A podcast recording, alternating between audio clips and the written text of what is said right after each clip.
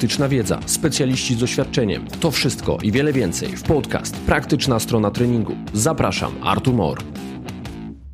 Cześć. Dzisiaj odcinek specjalny, a ze mną przed drugim mikrofonem Tomasz Gęborys. Cześć Tomku. Dzień dobry, witam.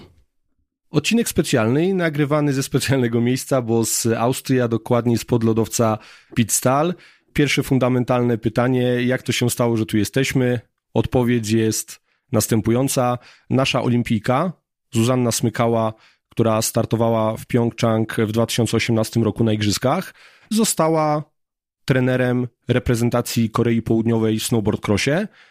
Z racji tego, że jest moją podopieczną i pracujemy w zakresie przygotowania motorycznego już, e, już długi czas, poprosiła mnie o konsultację. Ja poprosiłem Tomka i jesteśmy tutaj. No i teraz pierwsza rzecz. O co chodzi w tym snowboard crossie? O tym sobie trzeba trochę powiedzieć. Myślę, że dyscyplina relatywnie mało popularna, o której mało można wyczytać, a wiele trzeba zaobserwować. No i pojechaliśmy poobserwować. Co zobaczyliśmy, Tomku? Dokładnie tak jest. Po pierwsze, to była ta część praktyczna, która wyglądała tak, że musieliśmy i byliśmy e, na stoku, gdzie e, jakaś ta mała analiza przez nagrywanie wideo, rozmowa, rozmowa z Zuzą, następnie powrót do hotelu i patrzymy, co mówi nauka. No i tak jak zawsze, dla nas jest to główny wyznacznik, co robić, gdzie robić, kiedy robić i co zostało zbadane. Tutaj niewiele jest zbadane, około powiedzmy 10 prac naukowych, które głównie skupiają się na tej injury części, około 2-3 prace, jeśli chodzi o, o performance, no i też niewiele, bardzo ogólnikowe. Także pozostała analiza, analiza wideo, analiza zawodników. No i co, co możemy powiedzieć o tej dyscyplinie? Na pewno jest ona wybitnie fizyczna, czyli tak jak lubię. Ja lubię, jeżeli w sporcie pojawiają się duże siły, jeżeli są duże wymagania fizyczne. Dodatkowo jest specyfika rozgrywania tych zawodów jest wymagająca psychicznie. Dlaczego? Tory do snowboard crossu są budowane no, najczęściej po zacienionej części stoków. Dlaczego? Żeby się nie rozpływały.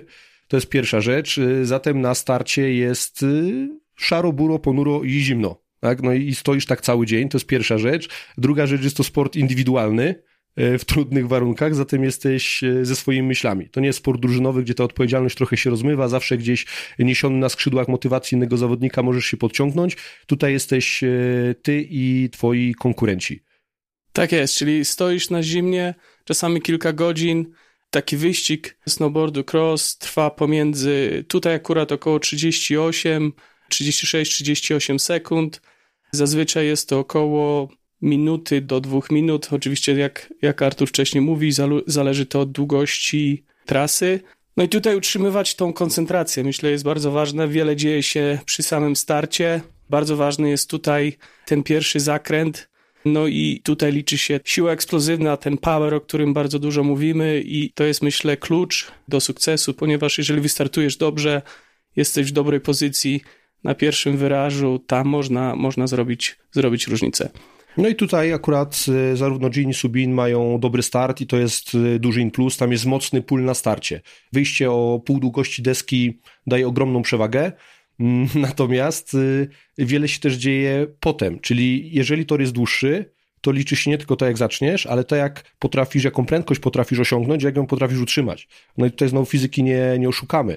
Zawodnicy, którzy są po prostu ciężsi, ważą więcej, będą mieli łatwiej osiągać te wyższe prędkości i je utrzymywać. No i przy dłuższych trasach to jest game changer.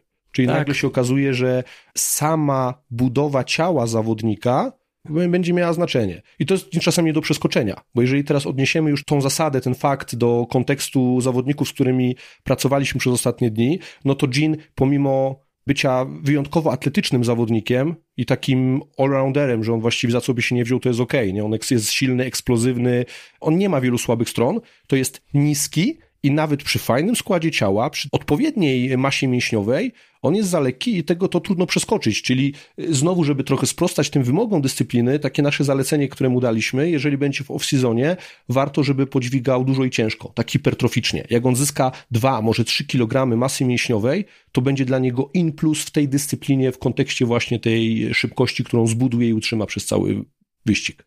Tak, tam również przy starcie widzieliśmy zawodniczki i zawodników, którzy po prostu wyglądali nie bardzo atletycznie, tak? Po rozmowie właśnie z Zuzą powiedziała nam, że, że, e, no, że tak się dzieje. No, bardzo prosto, jak mówił Artur, no, no pęd, czyli ma, masa ciała jest, jest, jest jednak ważna, szczególnie przy tych dłuższych, przy tych dłuższych torach. Tak, no i teraz jeszcze przejdźmy sobie do wymogów y, samej dyscypliny. Bardzo duże siły działające na kończynę dolną, takie siły związane z pochłanianiem energii. Czy to lądowania ze skoków, czy to takie impulsywne, chwilowe wyłapywanie, amortyzowanie tego, co się dzieje na muldach, czy po prostu takie dociskanie się w wirażach, żeby trzymać odpowiednią trasę przejazdu. Tu jest bardzo duża komponenta takiej pracy ekscentrycznej i to jest obligatoryjne u tych zawodników jeżeli da się to robić, w off-seasonie to się da robić, ale tam, gdzie się da to robić, tam powinno być to wzmacniane i trzeba o tym pamiętać. Tak, i to też widać, e, widać szczególnie u Jean i u Subinda, że, no, że zdolności absorpcji są bardzo duże i bardzo fajnie to wygląda. Tutaj też ważne jest, e, aby powiedzieć, że jakikolwiek czas, który spędzają w powietrzu, jest po prostu dla nich czasem straconym. Dodaje to do ogólnego czasu zakończenia wyścigu, także tego unikamy jak najbardziej aczkolwiek ta siła eksplozywna jest nadal potrzebna. Zgadza się. No i teraz w kontekście jeszcze Gina, on, taka różnica pomiędzy Gin i Subin. Gin świetnie potrafi pochłaniać swoją energię i to, to widać, czyli wszelkie amortyzowanie skoków z dużej wysokości w takim małym ugięciu stawów kolanowych, tak jak ma to zaordynowane w treningu, robi to. Subin robi to dokładnie tak samo. Natomiast już e, ta faza koncentryczna, ta produkcja mocy jest u Gina na bardzo wysokim poziomie, a u Subin już troszeczkę gorsza i można by nad tą, nad tą eksplozywnością, taką fazie koncentrycznej popracować. Także sumaryzując, to myślę, że u, u Gina z naszych jakby obserwacji po rozmowie z y, Zuzą to było to, że on jednak musi popracować hipertroficznie, czyli nad budową tkanki mięśniowej. Przy Subin to jest ta praca koncentryczna, czyli to generowanie mocy, bo też jest to tam potrzebne e, w mhm. pewnych odcinkach. No jeszcze energetyka wysiłku, zdecydowanie laktyk, nie? Tu tak, jakby nie tak. ma, nie ma wątpliwości. Jasne, znowu można powiedzieć, że to wysokie VO2 max, te treningi aerobowe, one będą wpływały na możliwość regenerowania się między sesjami. No wiemy, że tak jest, natomiast y, sama energetyka tego startu jest y, typowo Allactic, nie? Jest tutaj beztlenowa, to są krótkie wysiłki o maksymalnej intensywności. Warto też zaznaczyć, że jest tutaj no, ciągła praca na nogach. Tu nie ma jakichś tam przerw, nie? To nie jest jakiś interwał, tylko jest to cały czas intensywny wysiłek.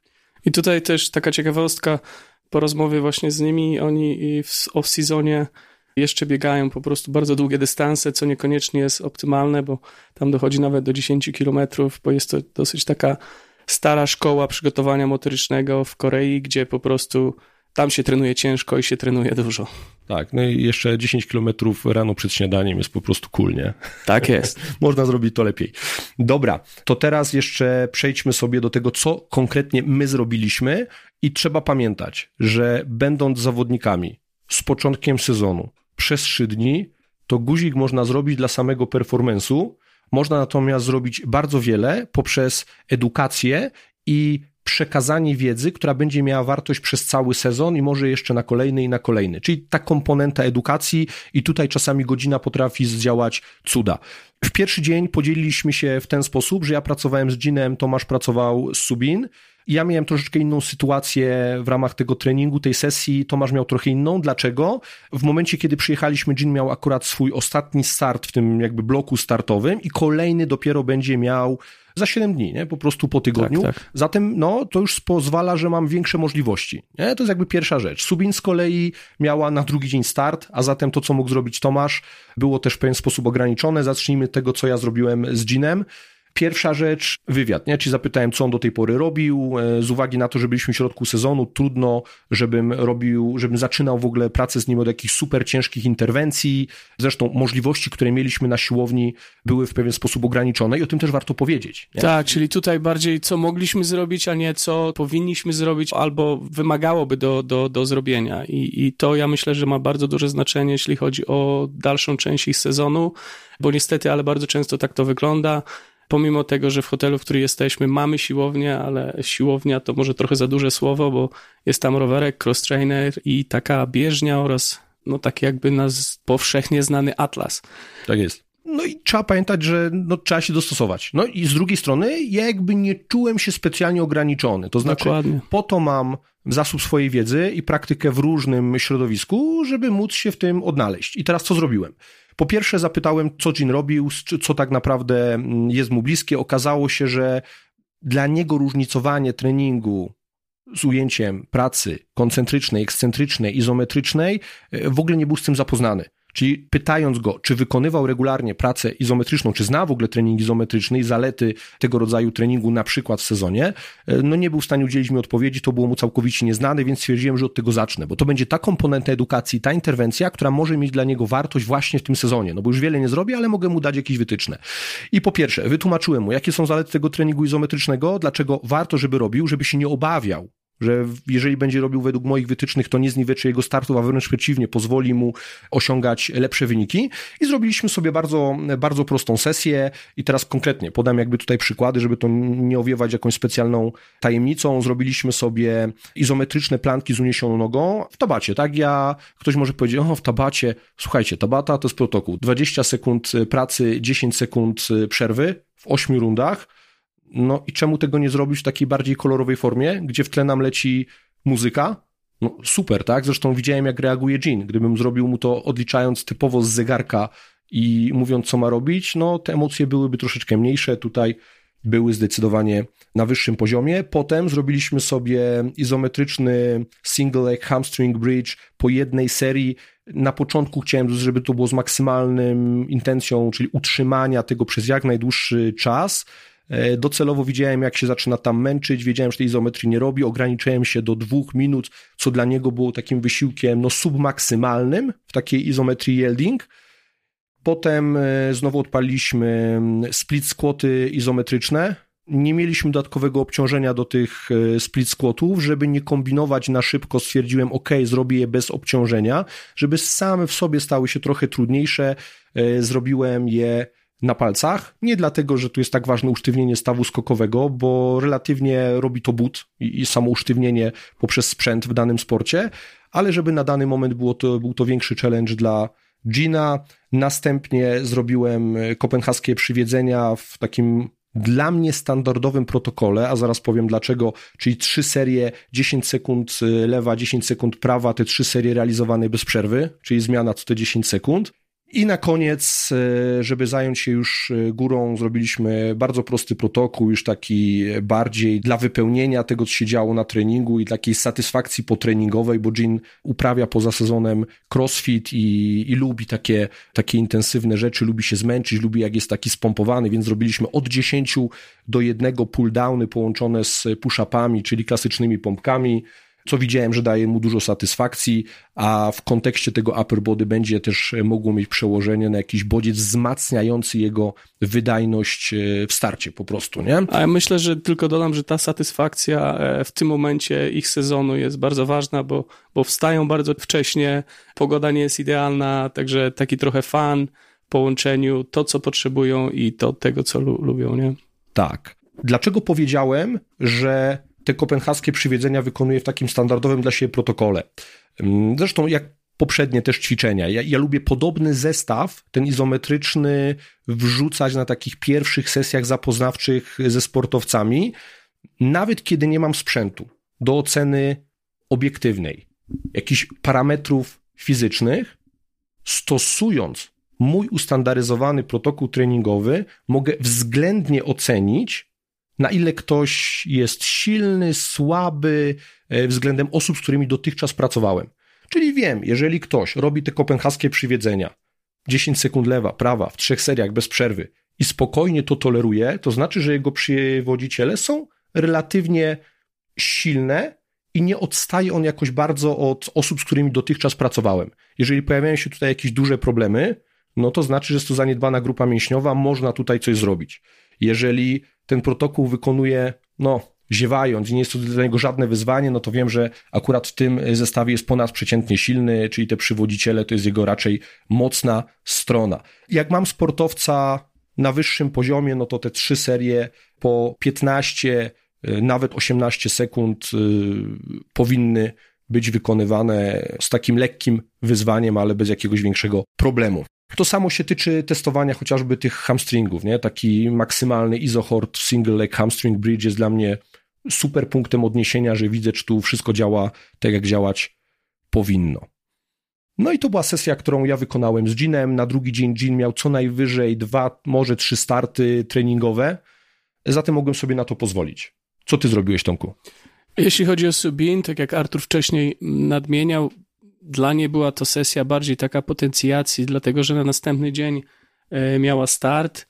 No i dzień po tym też jest start, czyli start w sobotę i start dzisiaj w niedzielę. No i tutaj próbowałem przede wszystkim zamknąć się w 25, 30, 30 minutach, bo wiadomo, była to dla nich w ogóle jako taka interwencja dosyć nowa i jak dla mnie no izometria all the way, czyli jak zwykle e, rozgrzewka. Tutaj próbowałem, aby jednak robiła to, co zazwyczaj robi, czyli czuje się komfortowo. E, następnie takie overcoming iso squat. Tutaj wykorzystywaliśmy ręczniki ze względu na, na brak jakiejkolwiek innej opcji. No i tutaj połączyłem to z, z counter movement jumpem. Tutaj było nad czym popracować, ale trzy takie sety. Przerwa pomiędzy tym kontrastem as much as you need, czyli gotowa, ok, zaczynamy od nowa. E, następnie, jak, jak mówiliśmy, start jest bardzo ważny, czyli ten pull, tutaj też overcoming pull na tym wyciągu, który tutaj mamy, który mogliśmy użyć. Jeśli chodzi o pozycję, trudno było jakby ustawić Subin w takiej pozycji, którą jest na, na snowboardzie, ale wiadomo, to nie o to w tym wszystkim chodzi, żeby robić to samo, co ona robi w czasie sportu. Następnie jakieś takie overloaded eccentric, czyli lądowania i tutaj wykorzystywaliśmy schody. Wszystko zamknęło się w 25 minutach. Zmęczenie praktycznie zerowe, pobudzenie bardzo fajne, coś nowego, coś interesującego i też nauka, że właśnie taką sesję może wykonywać między startami, może ją wykonywać wszędzie. Wiesz, Tomek, możesz sobie przypisać pewien sukces, no bo twoja sesja potencjacyjna na drugi dzień zaowocowała czwartym miejscem e, w jej starcie. Nie? To jest oczywiste. To, to, to, nie, no, to, Tomek, gdyby nie, to nie, ma, to nie byłoby tego czwartego miejsca. To nie ma znaczenia 15 lat treningów technicznych, to jest te 25 tak minut jest. mojej interwencji, no wiadomo. Tak, tak jest. Bo tak w sumie po to tu przyjechaliśmy, żeby zrobić, zmienić, zmienić, zmienić im życie. W ogóle, w ogóle tak się akurat złożyło, że Jean tego dnia, kiedy startował, był 16 z bodajże liczyliśmy 120 kilku zawodników, więc na pewno sukces. No Subin była czwarta. Pamiętasz z ilu zawodniczek? Tam chyba było 64, bo tam były w tym swoim. Tak, tak. też, no, Fajny wynik, tak? Tu bez dwóch zdań na no pewno. To warto jest też powiedzieć, że, że, że to jest sport w, w Korei Południowej, który nie jest aż tak popularny, bo oni po prostu nie mają warunków do jego trenowania. Także dla nich tutaj pobyt to jest bardzo dużym. E, Siłą napędową do rozwoju technicznego. Dokładnie, dokładnie. Tak. Drugi dzień. Ten drugi dzień to praca z samym dżinem. Dlaczego? No te trudne warunki pogodowe, czyli no niska temperatura, zaciemna część stoku, cały dzień e, na tym mrozie, plus starty już któryś dzień z rzędu sprawiły, że Subin no miała takie objawy chorobowe, czuła się osłabiona, więc nie było tutaj co ryzykować, że jeszcze dokładać jakichś obciążeń. Zostaliśmy na e, sesji popołudniowej tylko z Ginem i pozwoliliśmy sobie dalej na rozwinięcie koncepcji edukacji i na takie większe dociążenie. Jak to wyglądało? No, zaczynałeś ty? Mamy taki komfort, że Gin nie startuje przez następny tydzień, także w sumie połączyliśmy dwie takie sesje. Ja chciałem mu pokazać, jak powinna wyglądać jego potencjacja, czyli coś podobnego, co wykonywaliśmy Subin, a z drugiej strony Artur chciał też mu pokazać, jak można to połączyć e, w fajną pracę, aby obciążenie zrobić to wystarczające dla hypotrofii, ale również aby nie było za, duże, za dużego przemęczenia. Zgadza się. Zresztą to wrzuciliśmy też w nasze media społecznościowe. Zrobiłeś połączenie izometrii razem z plyometrią. No i okazało się, że, że Gin jest bardzo eksplozywny. To był moment, w którym zobaczyliśmy, w ogóle ta historia jest e, dosyć ciekawa, bo prosiliśmy, żeby wykonał skoki po schodach z maksymalną intencją, czyli tamtą ilość schodów, która była, zaliczył w jak najmniejszej ilości skoków. E, wyszedł pewien błąd komunikacyjny, to znaczy nasza intencja była, żeby zrobił to obunóż, Jean zrobił to jednonóż, ale zrobił to tak spektakularnie dobrze, że już głupio było to nawet zmieniać, nie? więc też pokazuje, że nas e, zaskoczył swoją wydajnością. Na pewno to, na co ja zwróciłem uwagę, to też Jean nie zdawał sobie sprawy i trzeba było, ty mu o tym przypomniałeś, że wiele tych elementów, które mu pokazywaliśmy, one powinny być zrobione z maksymalną intencją, ale po pełnym wypoczynku. A on miał taką tendencję do skracania przerw. On już chciał kolejną próbę i to było fajnie widać, kiedy pierwszą serię sobie skrócił tą przerwę wypoczynkową, było widać, że ta, ta seria wypada troszeczkę gorzej, wziąłeś go na rozmowę, wytłumaczyłeś mu i nagle bach. Rozmowa, no ta rozmowa jako tako miała in, intencję, żeby po prostu on odpoczął, tak, ale też wyjaśnienie, no i to było od razu widać, bo tak jak wcześniej mówiliśmy, no jego trening opiera się bardzo często na biegach 10-kilometrowych albo crossficie, także no tam przemęczenie... Jak jest zmęczenie, to jest dobrze. To jest tak dobrze, tak. Tak. E, no ale ciekawe też, fajny był feedback, jeśli chodzi o te social media, bo dostałem kilka wiadomości od, od, od zawodników piłki siatkowej, którzy byli zaskoczeni wysokością tego wyskoku ja zazwyczaj staram dawać się wskazówki jakieś takie external i właśnie powiedziałem mu przy tym counter movement jumpie, no spróbuj zrobić dziurę w suficie, ale to po to, żeby naprawdę wyskoczył wysoko, no i niewiele brakowało, tak? tak. Także no to było naprawdę ciekawie i, duże, duże zaskoczenie. Ja potem na koniec e, tego, co, co mu pokazałeś, chciałem jeszcze pokazać możliwości wykonania ciężkiego treningu supramaksymalnego, ekscentrycznego właśnie na kończynę dolną w warunkach takich, jakie najprawdopodobniej będzie miał, czyli jakiś leg extension, który jest na takich atlasach często gdzieś w hotelach, no i dla grupy kulszowo-goleniowej jakieś lubiane przeze mnie Nordic Hamstring Exercise, Zrobił to, leg extension zrobił w e, metodzie 2.1, czyli obunóż wyprost, jedna noga wraca, został poinstruowany, że ten ciężar ma być tak duży, że nie będzie w stanie utrzymać tej jednej nogi wyproście, będzie musiała ona pod ciężarem mm, zginała, czyli ma być ta praca supramaksymalna ekscentryczna, z nordikami podobnie.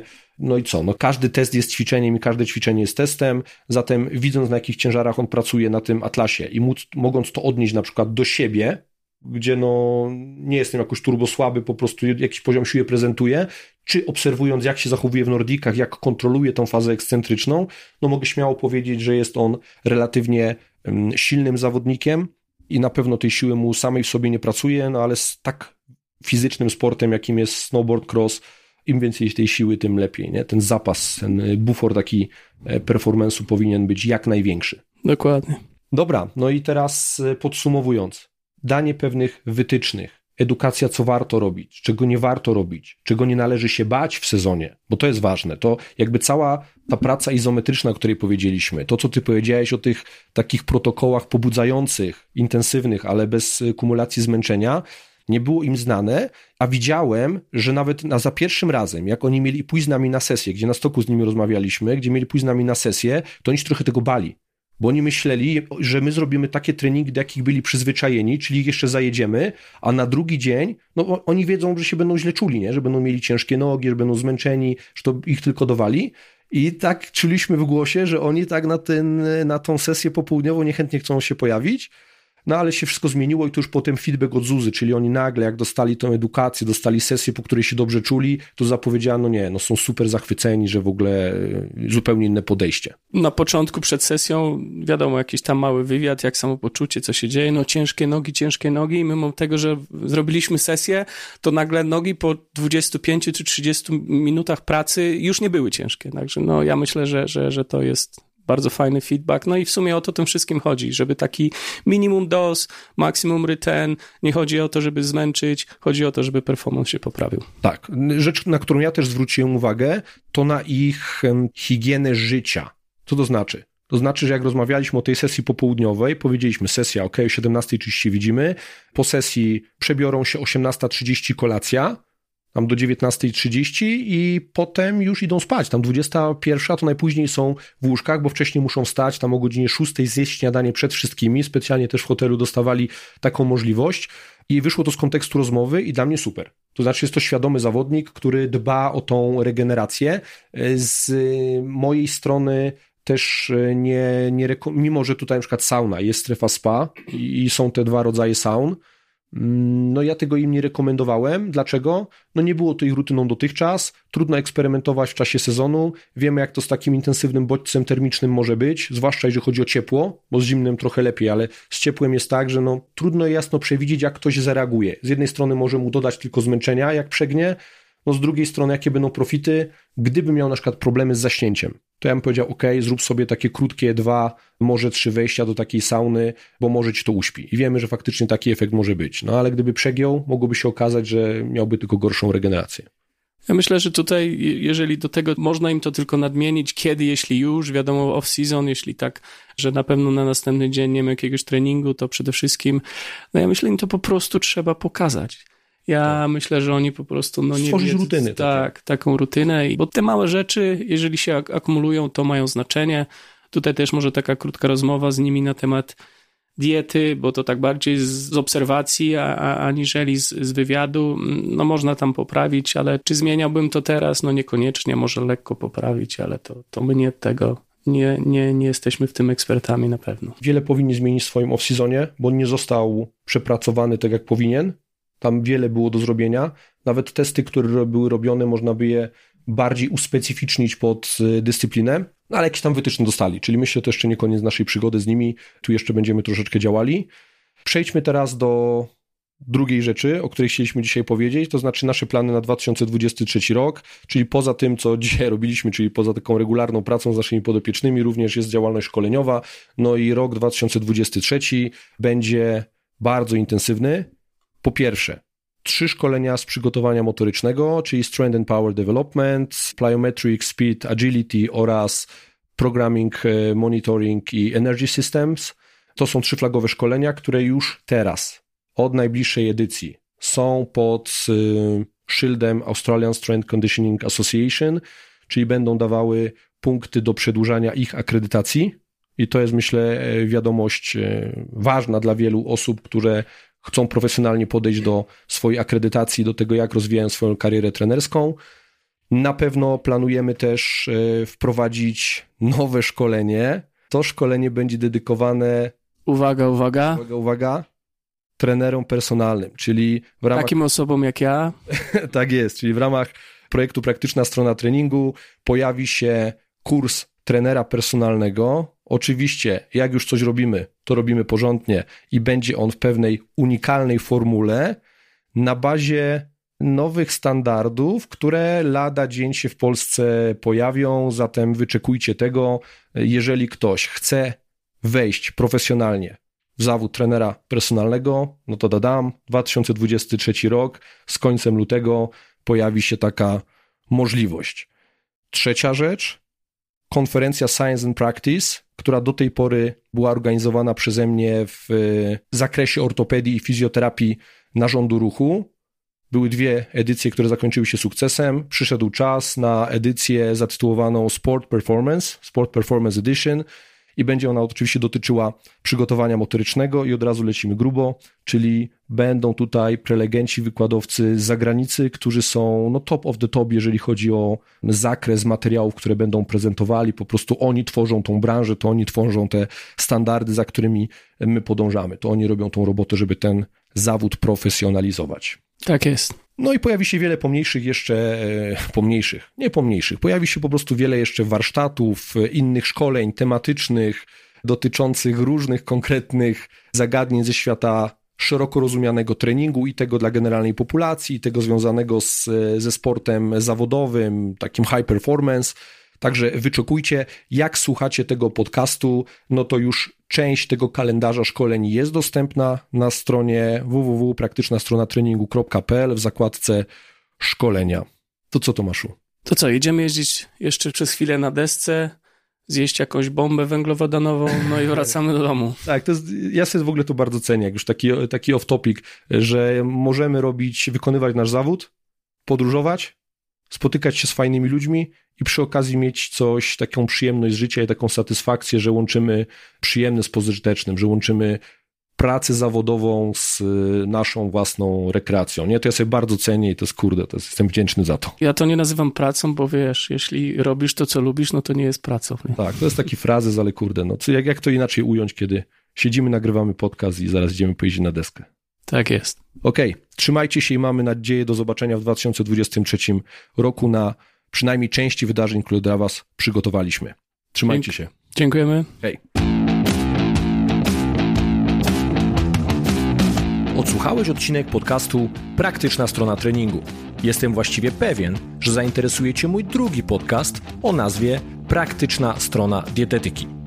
Polecam Artur Mor.